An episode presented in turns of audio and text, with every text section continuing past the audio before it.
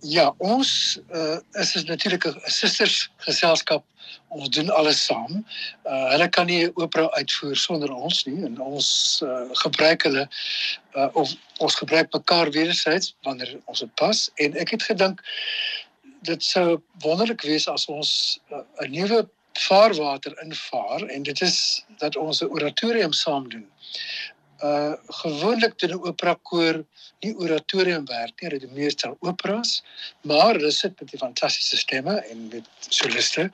So dit is 'n goeie idee om uh, oor die paasnaweek iets soos die uh, Messiah van Handel, een van die bekendste oratoriums wat ooit geskryf is, barok oratoriums, saam uit te voer. En uh, ek sien geweldig uit dat ons dit vir die eerste keer in sover ek weet in die Parel kan doen. Parel is omtrent so 35 km van Kaapstad af. Ehm stel 'n bietjie verder Stellenbosch. Stellenbosch is natuurlik die universiteitsstad met baie intellektuele um, musiekliefhebbers daar en goeie konsertsale en ek dink Parel is 'n bietjie afgeskeep. Daar's 'n geweldige klomp musiekliefhebbers in die Parel en hulle moet al die Kaap toe. Mm. Die Toringkerk, die pragtige historiese Toringkerk in in, in Parel het 'n wonderlike akoestiek en 'n baie mooi atmosfeer. So dis 'n bietjie van 'n risiko om oor Paasnaweek wanneer mense dikwels weggaan iets nuuts te probeer en ons probeer uh met 'n baie bekende werk, maar ek dink daar's genoeg mense in die Parel omgewing en veral die nuwe uitbreidings rondom Parel soos Veldevie en en Franshoek. Uh daar's genoeg mense in die omtrek wat oor 'n Paasnaweek uh 'n bietjie kos vir hulle siel sal soek. So ek ek dink dis 'n dis 'n nuwe wending vir ons en Kaapstad Opera, maar ek sien geweldig baie uit dat ons dit doen.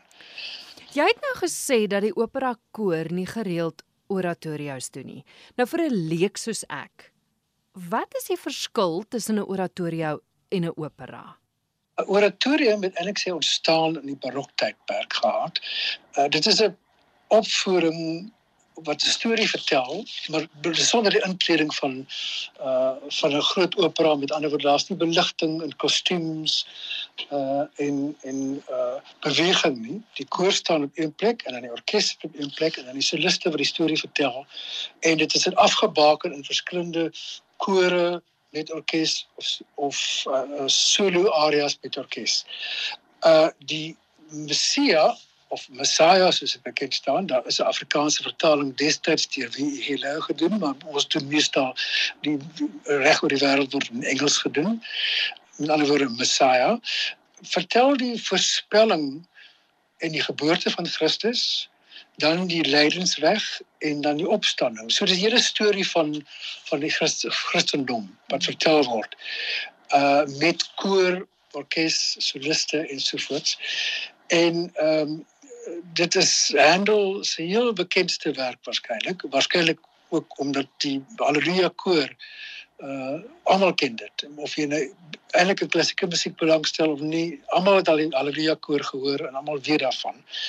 Uh is interessant dit is die eerste keer in 1741 opgevoer en nie in Engeland nie uh, maar wel in Dublin. En Handel het die hele 2 en meer as 2 en 'n half uur werk uh, oratorium in net 24 dae geskryf. Met die hand natuurlik. Ja. Ongelooflik. Hulle het nie rekenaars gehad wat goed kon tepliseer nie en jy as jy die hele die hele partituurs uitskryf met jy nog vir elke instrument se eie net sy eie party ook gaan uitskryf vir die koor en die soliste apart en dan elke instrument met sy eie musiekparty voor hom hê. So alles is met die hand uitgeskryf en om dit in 24 dae te kon doen was was 'n wonderwerk. Ek wil praat oor die gewildheid van die werk want want dit wat jy nou ek meen almal ken soos jy gesê het die haleluja koor dit is hierdie ongelooflike werk wat al soveel keer opgevoer is. Hoekom is dit so gewild? Ehm um, ek dink mense kan identifiseer daarmee dis maklik om te om na te luister. Dit is ritmies uh uh bietjie meer eenvoudig is as Bach. As jy na Bach se Matteus Passie luister of Johannes Passie of selfs sy groot bis mis, uh, dis 'n bietjie meer gekompliseerd met met uh verskillende stemme wat uit en in beweeg. Ek bedoel uh kontraptale bewegings, bietjie meer as Handel. So dis bietjie moeiliker verteerbaar as Handel. Handel is uh is maklik singbaar. Jy hoor dit onmiddellik en dis uh, natuurlik ou Dr. Konde weer destyds op Stellenbosch het gesê dis 'n bietjie geestelike voetballetjies. Uh, maar is nou 'n grap tersyde, maar uh, mens kan onmiddellik daarmee identifiseer. En baie van die musiek, so I know my redeemer liveth and and worthy is the lamb of God, waar die die slotkoor dis ingewikkeld maar ook maklik verstaanbaar.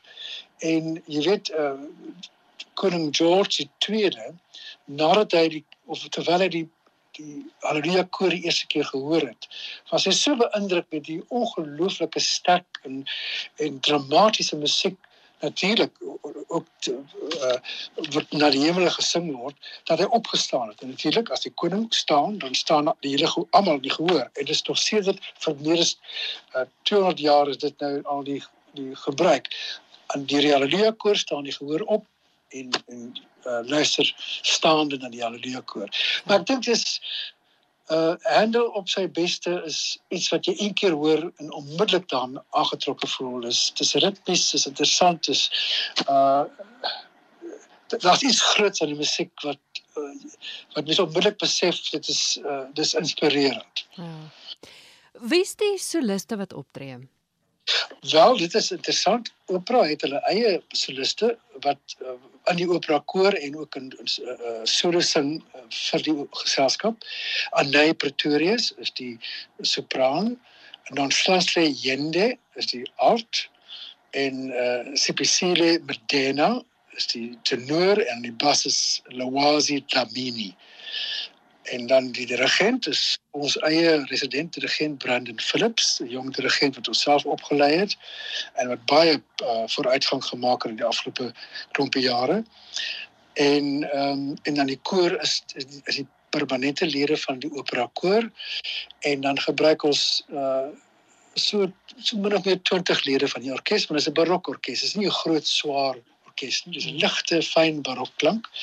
En Mario Nel van die van die Universiteit van Stellenbosch, uh die hoof van die uh konservatorium is ook die orgelis in die Kleurenkerk in Parel en hy speel saam met ons en dan ook die ons kry Erik Tippenaar waarskynlik die heel voorste klaviersimbelspeler in die land om om ons so saam te speel so dit dit gaan 'n baie autentieke barokklank wees. Ja.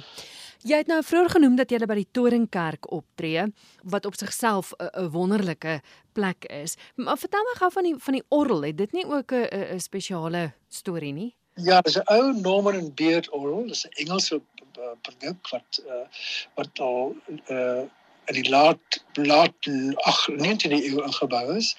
Ehm um, natuurlik oor die jare word orgels maar nagesien 'n bietjie herbou. Dis dieselfde tipe orgel Norman and Beard wat in die Kaapstad se stadsaal diens doen.